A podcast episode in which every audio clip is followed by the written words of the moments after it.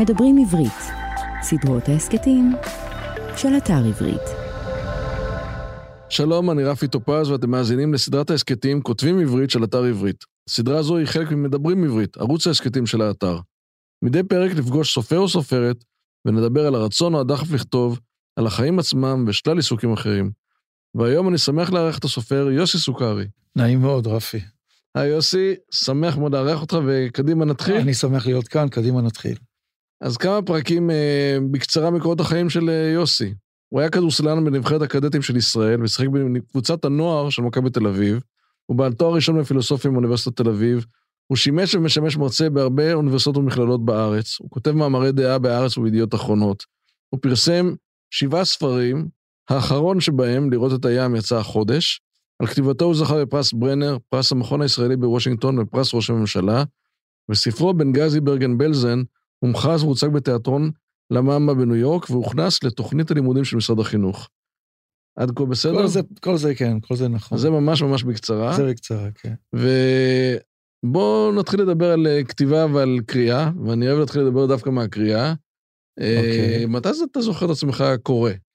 תראה, אני מגיל מאוד מאוד צעיר, אה, התעסקתי בשאלות שהן שאלות פילוסופיות.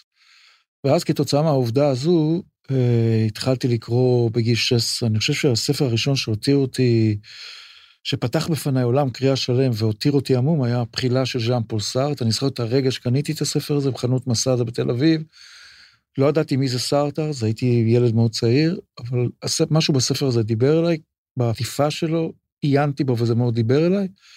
רכשתי את הספר, ואני זוכר שזה היה בדיוק כשנסענו מנבחרת הנוער לאיזה משחק כדורסל, וכולם דיברו ביניהם ואני הייתי שקוע בספר, ומאותו רגע התחלתי לקרוא הרבה מאוד ספרים. ובעצם הלכת לכיוון הפילוסופי? זאת אומרת, בחרת כן. ספרים פילוסופיים יותר? אני תמיד, תמיד האוריינטציה שלי הייתה פילוסופית, גם למדתי באופן פורמלי באוניברסיטת תל אביב, בחוג לפילוסופיה, ואחרי זה במכון להיסטוריה ופילוסופיה של המדעים. וכל חיי אני עוסק בפילוסופיה ובפילוסופים, אבל אני גם מאוד מאוד אוהב ספרות, אז מן הסתם ניסיתי לשלב בין שניהם וקראתי הרבה מאוד סופרים, אבל קראתי בעיקר, זאת אומרת, אהבתי יותר, או תמיד נטיית הלב שלי, היא לסופרים שיש להם אוריינטציה פילוסופית. וההחלטה באמת אה, ללמוד פילוסופיה זה משהו שידעת באמת מגיל צעיר שאתה רוצה ללמוד את זה? כן, מגיל מאוד מאוד צעיר רציתי לדעת מה אנחנו עושים פה, מה זה הדבר הזה, מה אנחנו פה, מה זה הדבר הזה שאתה בא לפה במהירות והולך, ואלה שאלות שטרדו את מנוחתי מגיל ממש ממש מוקדם, אני חושב אפילו בגיל 4 או 5, אמא שלי אומרת שהייתי שואל את השאלות, שהחברות שלי אומרות לה, תגידי, תני לו כבר סטירה, מה זה השאלות האלה? עם השנים, אגב, אתה מרגיש שקיבלת תשובות? זאת אומרת... אה, לא, מה שקורה לך שאתה עוסק בפילוסופיה באופן עמוק, אז אתה לא מקבל תשובות לגבי, כאילו, מה זה כל הדבר הזה, אלא אתה מקבל איזה סוג מסוים של רוחב יריעה הרבה הרבה הרבה יותר גדול, ועומק הרבה הרבה יותר גדול, והשאלות הופכות להיות משוכללות יותר, נע ברבדים הרבה יותר עמוקים. אז יש בזה סוג של סטיספקציה, זה לא בכלל הפתרון הסופי לשאלה מה זה. ואתה, אתה יודע, דרך אגב, אני אספר לך ככה בתור אנקדוטה, שמתמטיקאים אומרים על פילוסופיה, אומרים שמתמטיקאי אומר שכל מה שהוא צריך זה דף נייר, עיפרון ופח אה, וסל, וסל ושפילוסוף צריך את הנייר ואת העיפרון. יש בזה משהו. זה אמר, אני אגיד משהו אחר בהקשר הזה, ברטנד ראסל, שהוא פילוסוף שעסקתי בו, פילוסוף אנליטי בריטי, אמר תמיד שפילוסופים וילדים הם בדיוק אותו דבר, כי רק פילוסופים וילדים שואלים ברצינות מה זה שולחן. וזה משפיע על הקריאה שלך, אני מניח, נכון? כן. זאת אומרת, הסופרים שאתה קורא היום, למשל, או סופרות או סופרים, אה, אתה קורא, דרך אגב, הרבה מקור, או שאתה קורא בעיקר... אני קורא פחות מקור, אני לא כל כך התחברתי אף פעם, לא שאין פה סופרים טובים, יש פה סופרים מצוינים. אני, בגלל שקצת גדלתי מחוץ לישראליות באיזשהו אופן די עמוק, אני חושב, אז תמיד נהייתי אחרי הסופרים שהם מעבר לים. כאילו, לא הספרות המקור, היא לא, לא שימשה לי איזה... את זה תנס, תסביר לי את העניין הזה של גדלתי מחוץ לישראליות. אני, אני, אוקיי, זה די מורכב, אבל אני אנסה להסביר את זה בכמה משפטים, או קצת יותר. אה, אני גדלתי מגיל תשע בצפון תל אביב, בן למשפחה מזרחית, עם סנטימנט רליגיוזי די עמוק, והרגשתי שאנחנו קצת זרים במקום שלנו. למרות שהיו לי חברים, ואהבו אותי, והבנות וכל זה, אבל אה, הרגשתי קצת אה, זר, והתחושה שלי הייתה שאני לא בדיוק מוצא את המקום שלי בישראל, שאני לא מרגיש שייך, זה היה קשור למוצא האתני שלי ללא צל של ספק, שהייתי ילד חריג מהבחינה הזאת באזור שגדלתי בצפון תל אביב, זה היה קשור אולי לאמונה הדתית העמוקה שבתוכה גדלתי, אה, אולי לאספקטים אחרים, אבל אני תמיד אה, חלמתי על אה, מעבר לים. ותמיד האמת שאתה יודע, יש לי כמה חברים שיש להם תחושה די דומה לשלי, זה לא נטש אותי, למרות שהשנים עברו, אז החצי זרות הזאת לא נטשה אותי.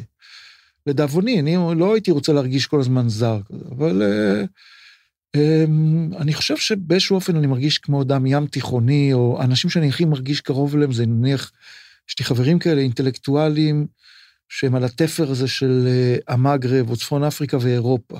כי אני מאוד קשור גם לתרבות האירופאית, מאוד, עד הסוף. כולי משוקע בתרבות האירופאית, גם בקולנוע האירופאי, גם בפילוסופיה האירופאית, גם בספרות האירופאית כמובן. אה, אז בעצם הייתה לך איזושהי דואליות ש...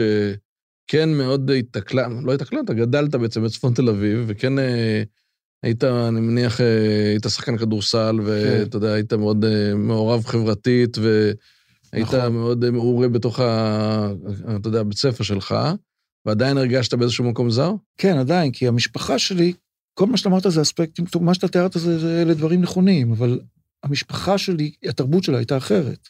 אז שאני הרבה מאוד שנים התגוררתי אצל סבתא שלי שגרה בפרדס כץ, אז הייתי נוסע מצפון תל אביב לפרדס כץ, או הפוך, ותמיד הייתי אומר, אני זוכר, כתבתי את זה באמיליה או מלח הארץ, הספר שלי, ששמחתי עורר עדים, כתבתי שם שכל יום אני מחליף שני אוטובוסים ועולם. אז, אה, אז הרות הזאת הייתה מאוד מאוד טבועה בי, למרות שרציתי להשתחרר ממנה, למרות שהרגשתי חלק מה, מהמקום, אבל תמיד היה בי איזה משהו שאני לא באמת שייך אליהם. איזה מין נדבך כזה מאוד מובהק שמעיד על זה שאני לא באמת חלק מהם. ובוא נדבר באמת על הכתיבה. מתי החלטת שאתה מתחיל לכתוב? תראה, אני עברתי, כשהייתי בניו יורק, גרתי קצת בניו יורק, ובאמצע שנות ה-30 שלי, כתבתי שם, הייתי שם איזו תקופה קצרה, ושם היה לי איזה אירוע שגרם לי לכתוב פתאום. אז אמרתי, התחלתי לכתוב, והראיתי את זה למישהו, הוא אמר לי, זה מאוד יפה, ואז אה, חזי לסקלי, שהיה משורר, פנה אליי, היה לו איזה אינסרט שהוא היה בעורך של עיתון העיר, הוא פנה אליי, אמר לי, תשמע, ראיתי טקסט שלך, הוא מאוד מאוד יפה, הוא ברמה גבוהה, אתה יכול לכתוב לי לעיתון משהו? ואז כתבתי טקסט לעיתון שלו, לאיזה אינסרט שסופרים כתבו. אה, זה לא היה העיתונאים, אלא אנשי ספר, סופרים שכתבו טקסט, ואני עוד לא הייתי סופר. ואז הוא אמר לי, תשמע, זה טקסט, אה, שמחתי שהוא אמר לי את זה, אתה יודע, הוא אמר לי, זה טקסט מבריק. אתה, יש לך את זה, ואז קיבלתי ביטחון, הוא אומר לי, הוא ממש, ממש התלהב בצורה בלתי רגילה, והרבה אנשים התלהבו מהטקסט ההוא. קיבלתי ביטחון שאני יכול לכתוב ספרות, וכל הדברים שהטרידו אותי תמיד, מאחר וכבר קראתי וראיתי את כל הקולנוע האירופאי הגדול, וקראתי ספרות אירופאית בלי סוף, אז התחלתי לכתוב, מאז התחלתי לכתוב, ואז פרסמתי ספר בשם אמיליה ומלח הארץ, ומשם המשכתי לכתוב כל הזמן. שזה בעצם אה, ספר עליך ועל אה, סבתא שלך, נכון? זה ספר היחסים שלי ועל סבתא שלי, עליי ועל סבתא שלי, שהיא דמות שונה בתכלית מהסטריאוטיפ שמוצע כאן, והוצג כל הזמן בספרות העברית. בספרות העברית הדמות של האישה המזרחית היא בדרך כלל מישהי שאמונה אה, על גידול ילדים, נוטה לבשל כל הזמן, מצטיירת כאישה אולטרה חמימה. והדמות שאני הצגתי בספר, שהייתה מבוססת על דמותה של סבתי, שגם היה כתוב באופן מצומצם, כי אני מעריך כתיבה מצומצמת יותר, היא הייתה דמות של אה, משהו שהוא אנטיתטי לדבר הזה, כלומר, היא הייתה חכמה מאוד, היא ירדה הרבה שפות, הייתה לה מחשבה אבסטרקטית, לילה או לילה, מחשבה אנליטית. היא גם לא הייתה ציונית בהכרח, אה, ו-on top of everything היא הייתה אישה מצפון אפריקה שעברה את השואה באופן מז'ורי, שורדת שואה. אז כשאתה ניגש לכתיבה, קודם כל התחלת את הכתיבה לא, מסיפ... לא מכתיבת פרוזה, אלא באמת מכתיבת uh, מאמרים או uh, דעה או... במרוצת הזמן כתבתי גם פה ושם מאמרים, בעיקר בעיתון הארץ, אבל כשהתחלתי לכתוב, אז הכתיבה הראשונה המשמעותית שלי הייתה בעצם כתיבה ש... רעיונות, ואחרי זה התחלתי לכתוב ספרות. אז כשאתה ניגש באמת גם היום לכתיבת פרוזה, אתה מתחיל מהרצון זה, מדברים על storytelling ועל לספר סיפור, אבל אצלך יש את העניין של להעביר את הנושא, להעביר רעיון, לדון ברעיון, אה, לשנות תפיסה או להביא תפיסה ייחודית לך, ואתה אורז את זה בתוך סיפור. זאת אומרת, אה, יש פה שני מוטיבים ש... קודם כל זה נכון, שאני חושב על זה עכשיו באופן שאתה מדבר על זה.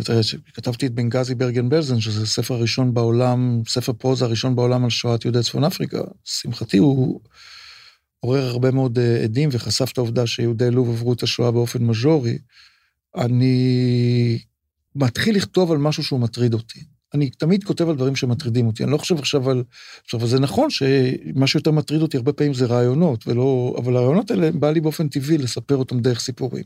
אמיליה ומלח הארץ, באמת, אה, שזה הספר הראשון, איך זה קרה שאמרת אני מתיישב לכתוב את זה? מאוד מאוד רציתי לספר על, על סבתא שלי שהייתה דמות ייחודית, מאוד רציתי לספר על אה, הקשר שלה, רציתי להציב משהו שהוא נגדי ל... אה, בוא נגיד לקנון שמוצע כאן כאיזה מין... ששרטט כמובן שזה סיפור בעיקר של אשכנזים, ופתאום רציתי להגיד, הלו, יש פה דמויות אחרות גם, בואו תראו את הדמות הזאת, והיא הייתה באמת דמות שהייתה חתרנית בהרבה מאוד מובנים. עמוס עוז אמר לי על זה את המשפט הכי, הכי נכון שאמרו לי על הספר הזה, והוא גילה לי, אני לא ידעתי. הוא אמר לי שבאמיליה במלך הארץ, זו הפעם הראשונה בהיסטוריה של הספרות, הסבתא היא לא מהווה מקור לנחמה, אלא היא אינטלקטואלית, ואין par excellence, ואין סבתות אינטלקטואליות בספרות, לא בספרות הרוסית אצל טולסטוי ודוסטויבסקי, ולא בספרות שלנו. אין סבתא שהיא... אה, שהיא אינטלקטואלית, ו-it hits me, כנראה אולי מלמטה, זה מה שרציתי לספר. ועליי, על עצמי, על התחושת הזרות שלי, על תחושת העובדה שאני כאילו כאן ולא כאן, על הרצון שלי להשתייך, ולדאבוני הרב זה לא כל כך קורה. אז אתה לוקח את באמת איזה שהם אה, סיפור, פרט או אירועים אוטוביוגרפיים, ומעלה אותם לרמה היותר רחבה, זאת אומרת, אתה כמובן מספר את הסיפור ברמה האישית, אבל אה, ולאו דווקא, זאת אומרת, דווקא, זה לא דווקא אוטוביוגרפי, אבל עם אה, אולי אלמנטים מסוימים. אז אתה מציף את הבעיה שמטרידה אותך, ואתה בסוף הופך אותה למשהו הרבה יותר רחב, נכון? כן, אני חושב שסופר תמיד צריך לנוע ממשהו שמטריד אותו. זאת אומרת, אני לא מסוג הסופרים האלה שכותב עכשיו משהו כ... הוא רוצה לשעשע את ההמונים, אני לא יודע, משהו שמטריד אותו, אני חושב שהוא חשוב, חשוב ברמה הגלובלית. הספרים שלי בסוף מגיעים לידי התדיינות בסוגיות מאוד מאוד אה, אוניברסליות. בשאלות של חופש, בשאלות של זרות, בשאלות של הגירה, שואה, אה, מוות, הספר האחרון שלי, לראות את הים. אז אה, אלה בסוף סוגיות שהן סוגיות שהן מאוד קוסמופוליטיות, מאוד אוניברסליות, נוגעות לכל, דו, לכל אדם באשר הוא. והתגובות שקיבלת, למשל, יצא אמיליה ומלח הארץ, ספר ראשון, הנוגע בסוגיה שהיא טעונה, אה, גם לך אישית. פעם ראשונה שאתה מתמודד עם, פתאום עם, עם תגובות מה, מהציבור. תראה, לשמחתי, הספר הזה זכה לביקורות מאוד מאוד טובות, וגם בעיתונות, והוא גם יצא בצרפת בהוצאת אקטסות, והקבוצה שהיא הגיבה לספר הזה באופן הכי חיובי, הייתה של האינטליגנציה הנשית. לא, לא קשור מזרח, דווקא אינטליגנציה נשית יותר אשכנזית, גם מזרחית וגם אשכנזית. כלומר, האינטליגנציה הנשית סלאש פמיניסטית, ראו בספר הזה איזה מין... אה, אקט אולטרה פמיניסטי על הדמות שמופיעה שם, ורדיקלית באיזשהו אופן, ושהיא חותרת תחת כל הדימויים הרופחים אה, מבית מדרשה של הפטריארכיה, והתגובות הכי טובות שקיבלתי גם מישראל וגם מצרפת זה מנשים חכמות מאוד. הם, זה הסגמנט שהכי אהב את הספר, נשים חכמות. אני חושב שכל הנשים שכתבו לי על הספר הזה, כל, כל בני אדם, הקבוצה הכי מובהקת הייתה של נשים סופר אינטליגנטיות, פרופסוריות באוניברסיטאות, דברים כאלה. הספר הזה, יש איזה מישהי שהיא פרופסורית בישראל, אומרת לי, תשמע, אני הולכת עם הספר הזה לכל מקום, אני נוסעת לסין, אני הולכת איתו, אני נוסעת. אז uh, במובן הזה הספר הזה עורר uh, עדים מאוד מאוד חזקים ואהבה אצל הקבוצה הזאת. היו אנשים שזה הרגיז אותם. ובוא נדבר באמת רגע לבן גזי ברגן בלזן, שבאמת uh, עשה, עורר הרבה מאוד עדים וסיפר סיפור שכנראה מעולם לא סופר, וחשף את הציבוריות הישראלית לעובדה שגם יהדות לוב עברה את השואה. בעצם, איך החלטת לכתוב את הספר? תראה, אני מגיל צעיר ראיתי, שמעתי את אימא שלי, אימא שלי הייתה מתעוררת בלילות, וסליחה שאני מתרגש קצת עכשיו, הייתה מתעוררת בלילות ואומרת שהטדסקי, טדסקי זה הגרמנים מגיעים. וכשאני כתבתי את אמיליה ומלח הארץ, יש שם חלק, פרק, שבה סבתא שלי, סבא שלי הולך לעולמו, ואז אני רוצה להכיר למישהו שתתחתן איתו, שתהיה איתו, על מנת שלא תסיים את חייה בגפה. אז אני מחפש בשכונה בפרדס כץ, מישהו שהוא יתאים לה, בסוף אני מחליט להכיר לה את מר אפל, שהוא היה הבעלים של הצרכניה, כלומר, היא הכירה אותו, אבל אני מנסה לשדך ביניהם, שידור חולה יפה, הם יחד מביסים את הזקנה. מר אפל הוא אדם, אה, מגלים במרוצת הזמן שיש להם הרבה מאוד דברים שותפים, שניהם אנשים מאוד חכמים, אבל הם מגלים שיש משהו מאוד מאוד uh, מהותי שהם קושר ביניהם, וזו העובדה ששניהם בוגרי בית האולפניים, אפשר לומר, ברגן בלזן. כלומר, אותו גבר פולני, uh, יהודי אשכנזי, ואותה אישה יהודייה צפון אפריקאית, היו באותה עת, באותו מחנה ריכוז, בלב גרמניה. וכשהספר הזה, האנקדוטה הזאת מופיעה בתוך הספר, בתוך אמיליה ומלח הארץ, ואז שהספר הזה פורסם, באו אליי כל מיני אנשים שלימדו איתי יחד באקדמיה, או שהכירו אותי ממקומות כאלה אחרים. בוא נגיד האינטליגנציה של החברה הישראלית, או אלה, לפחות הם רואים את עצמם כחוד החנית, הם היו כברובם אה, אנשים שלא מכירים בכלל את התרבות הלובית וזה, אה, ואז אמרו לי, מה, באמת יוסי אה, יהודי לוב עברו את השואה? אתה רציני? אתה, אתה מסתלבט עלינו? מה, עברתם את השואה? אז אמרתי, עם אנשים כאלה שהם אולטרה משכילים, מאוד מאוד מעורים בכל מה שקורה בעולם, לא מכירים את הדבר הזה, אז אני חייב לכתוב אותו. וככה, בתווך כתבתי עוד שני ספרים, אבל זה ישב לי תמיד בראש, אני חייב להציב את הסיפור הזה בספירה הציבורית של ישראל. ותוך כדי הכתיבה, א', איזה תהליך עברת? זה היה קשה, זה היה קשה כי, תראה, לכתוב רומן טוב זה קשה, לכתוב רומן על השואה זה קשה מאוד, לכתוב רומן על השואה של המשפחה שלך זה כבר סף הבלתי אפשרי. כתבתי אותו, שאלתי אנשים, ראיינתי אנשים, דיברתי עם אימא שלי שעברה את זה והתעלפה פעמיים בזמן הראיונות, ולמרות זאת ביקשה ממני להמשיך לספר. וחייתי, אתה יודע, בזמן שחייתי בתל אביב, בין השנים האלה, נגיד 2009-2013, במקביל חייתי גם בצפון אפריקה וגם באירופה משנת 30 עד 45. כי ממש חייתי שם כשכתבתי את זה. ואחד המחמאות הכי גדולות שקיבלתי על הספר הזה, קרה איתו המון דברים, הספר הזה, אני הוזמנתי להרצות עליו באוניברסיטאות באמריקה.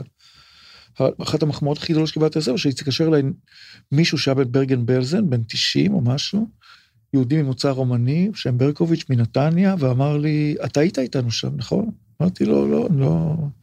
אני בכלל לא נולדתי, נולדתי שנים רבות אחרי שמלחמת העולם השנייה הסתיימה.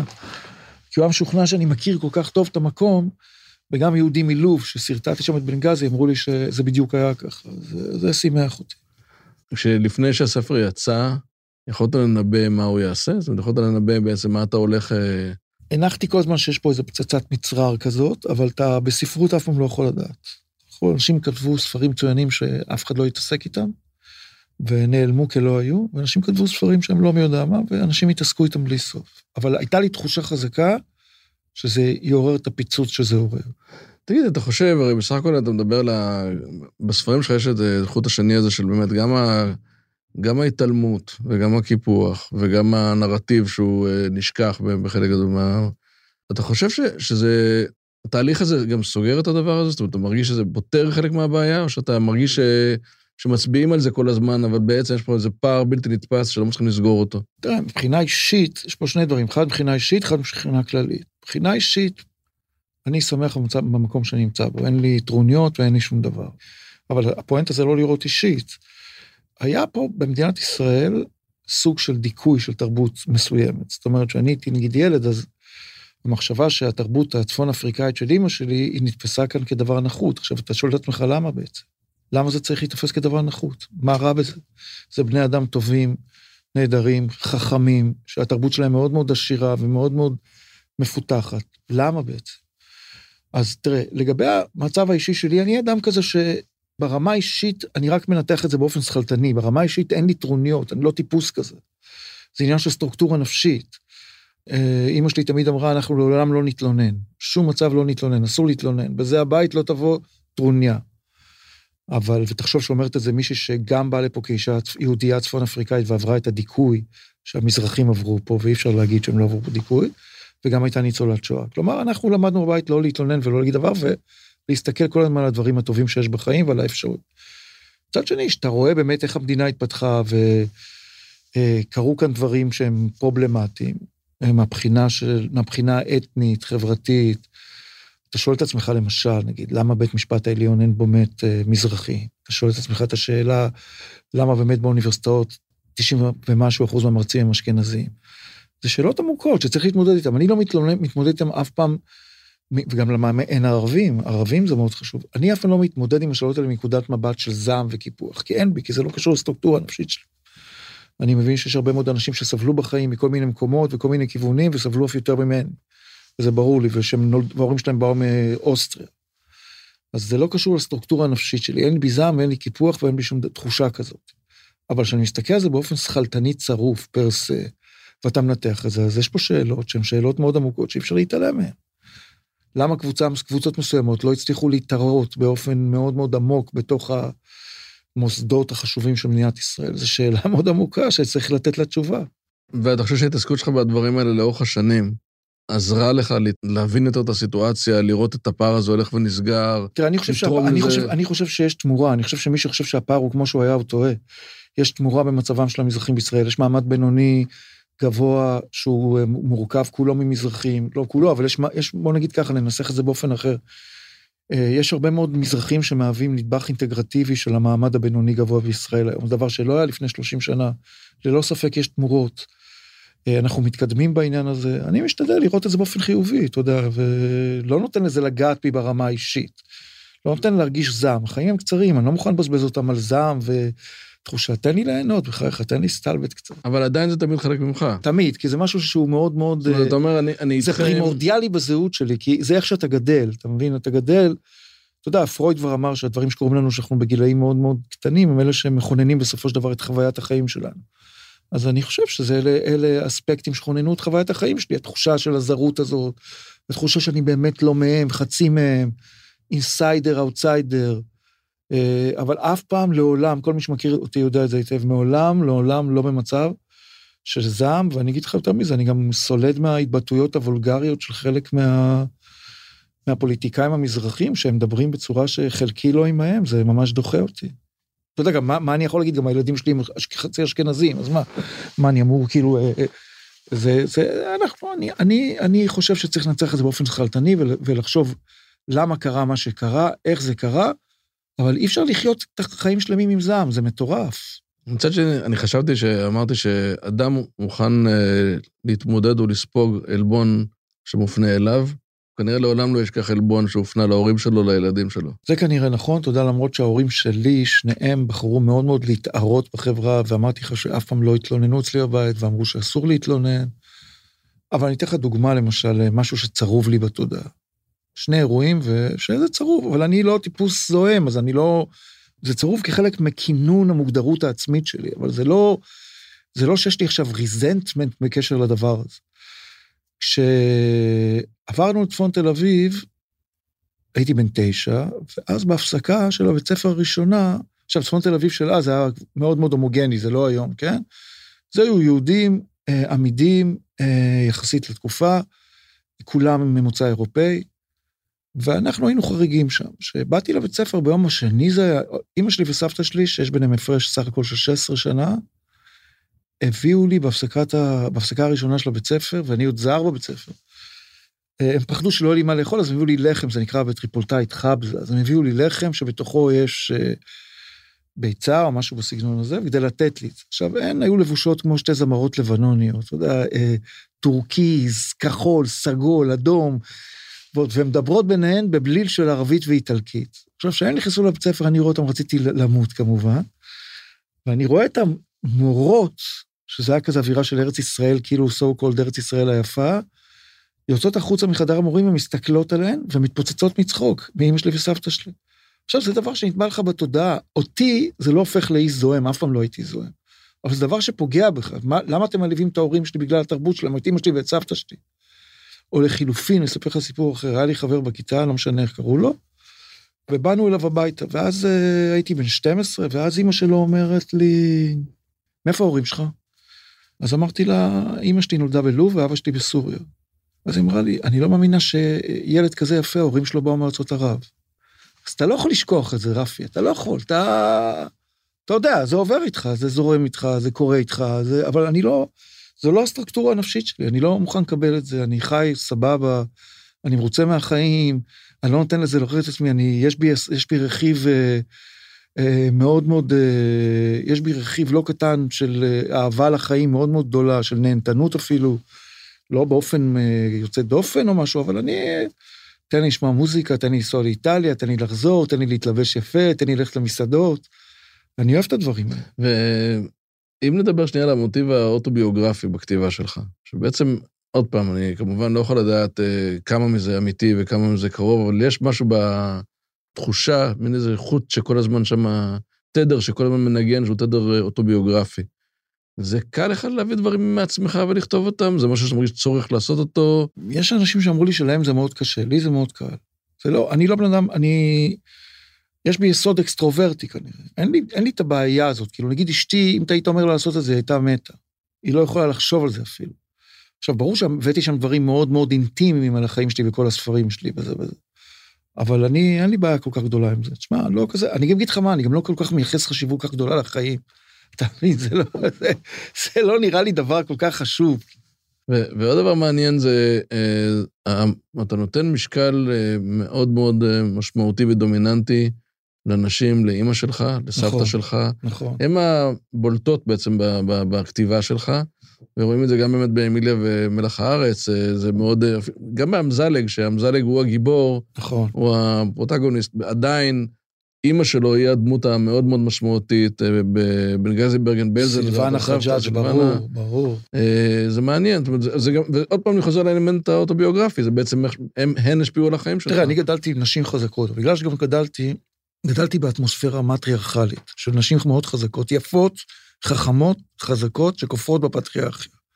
ואני, בגלל שגדלתי כנער מזרחי בצפון תל אביב, והיינו ייחודים בתרבות שלנו שם, כי היו עיראקים, אבל לא היו צפון אפריקאים, לדעתי, בתקופה ההיא, אז תמיד פיתחתי איזה, מגיל צעיר מאוד פיתחתי אמפתיה לחלש. ואני תמיד רואה את הנשים כמי שמדוכאות.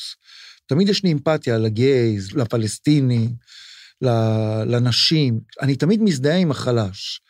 ובגלל זה אני כתבתי על נשים, שהן לא מוכנות לקבל את התפקיד שהגברים רצו לתת להם בעולם, ולכן באמת, בגלל שני, שני הדברים הללו, הנשים אצלי הן באמת מאוד חזקות, מאוד דעתניות, מאוד חכמות, מאוד מובילות, אה, בגלל שתי הסיבות הללו. אחת, שתמיד אני מרגיש הזדהות עם, ה, עם החלש, והנקודה השנייה, שבה גדלתי באטמוספירה מטריארכלית. והיה מאוד מעניין, עוד פעם, וכאן מעניין אותי באמזלג למשל, החוסר הנכונות של אימא שלך לוותר על, על מי שהיא ומה שהיא והצביון, ואפילו עוד פעם, בצורה, איזושהי צורה מתריסה, שגם אתה, אולי בכתיבה שלך, מצד אחד אתה תמיד אומר, כן אני חלק מכם, כן אני ישראלי, אני ציוני, אני תל אביבי, אני, כמו שאתה אומר, נהנתן, יודע לחיות טוב, אבל אני יודע באמת בסוף בעומק מי אני באמת. ואני לא אוותר על זה, ואני גם תמיד אגיד לכם את זה. ויש משהו באיך שאימא שלך כל הזמן עוברת באמזלג של אני פה, ואתם תדעו שאני פה כמו שאני. נכון, אימא שלי לא הייתה מוכנה לזייף את עצמה. היא הלכה עד הסוף, אמרה אני ככה, ובדמות בספר בטח. ובלי קשר לזה שהיא תמיד הייתה בן אדם של פיוס, ואתה יודע, אנשים אהבו אותה בלי סוף. את אימא שלי אנשים אהבו, מאוד מאוד מאוד אהבו אותה. היא הייתה בן אדם מאוד נעים לבריות. אני מקווה שאני ירשתי את זה ממנה, אני משתדל להיות נעים לבריות, נחמד, תמיד אני מכבד בני אדם באשר הם, אף פעם לא מתנשא, משתדל מאוד מאוד להיות הכי... ואני חושב שלמדתי את זה ממנה, עם כל הסבל שהיא עברה, והיא עברה סבל, היא תמיד שמרה על הדבר הזה, לכבד בני אדם, להיות נחמדה, לא לבוא בטרוניות, ו... אבל מצד שני, לשמר על איזה קור מאוד משמעותי שלה, שאי אפשר לכופף אותו. נעבור רגע לדבר על אה, לראות את הים, שזה הספר שיצא ממש עכשיו במרץ. אה, ספר מקסים.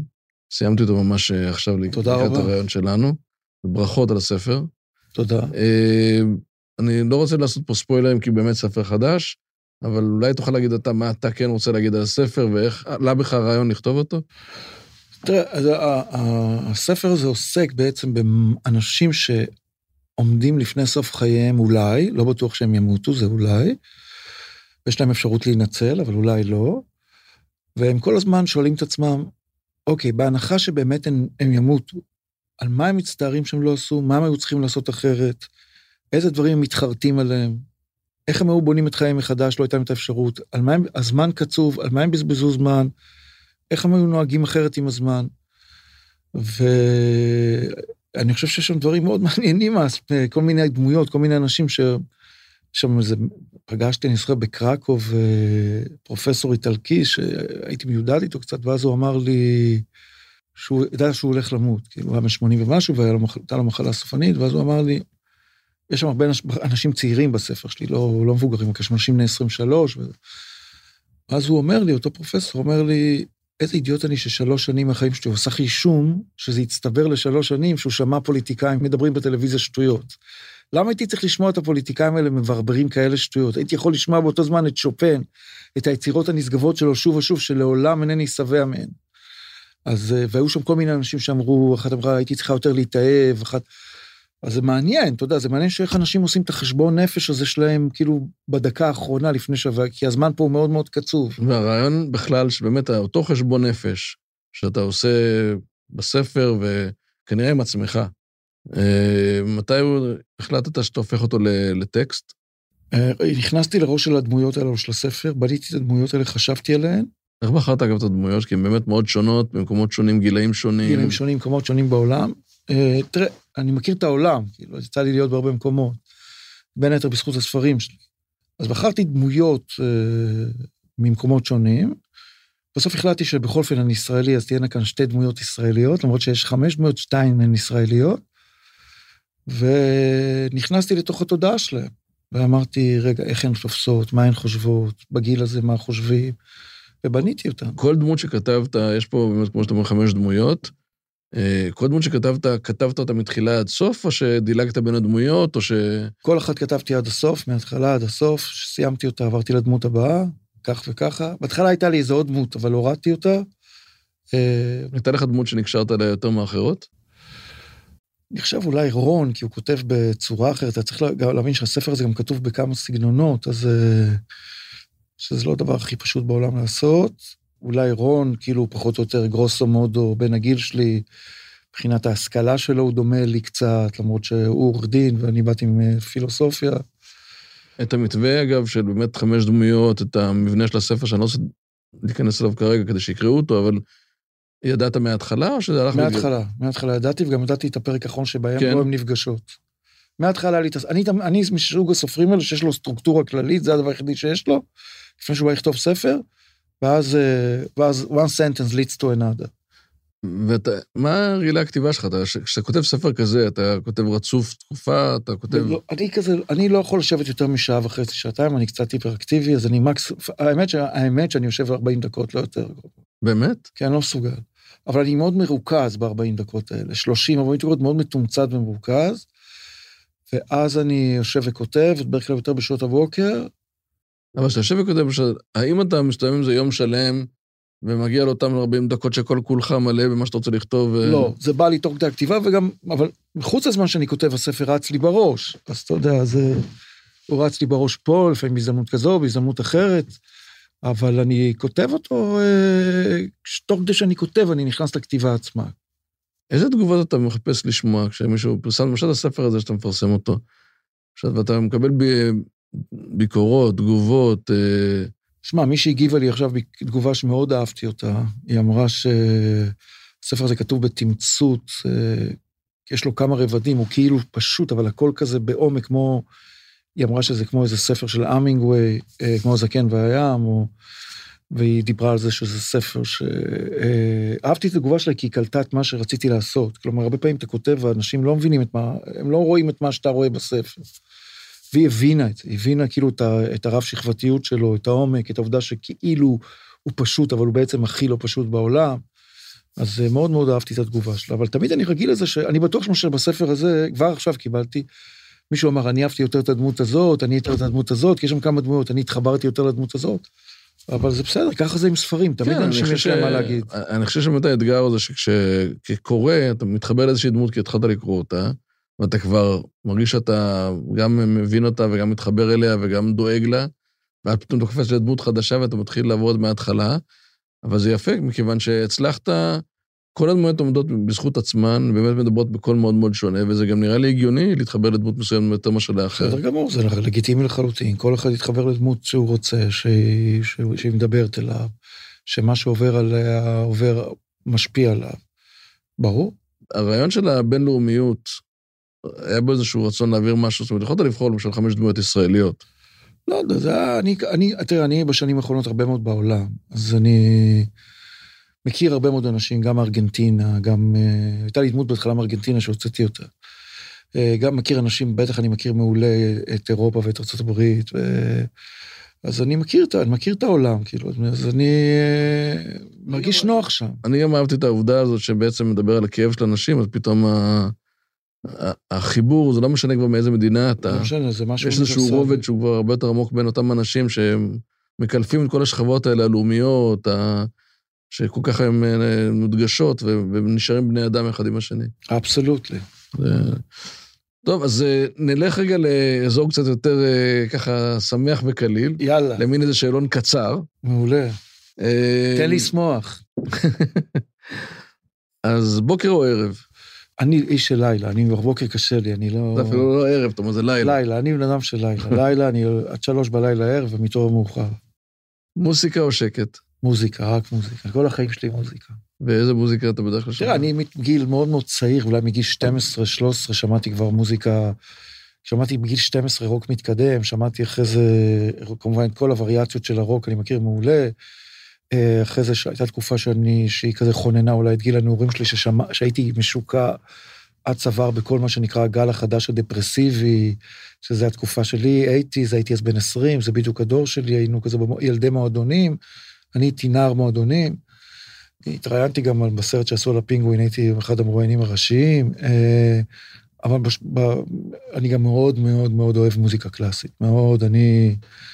יש גם אזכורים בספר הזה למוזיקה קלאסית. אני, אני חסיד של מאלר, אני חושב שהסימפוניה התשיעית של מאלר זה היצירה הכי נשגבת שאי פעם נכתבה. אה, ספר או סדרה?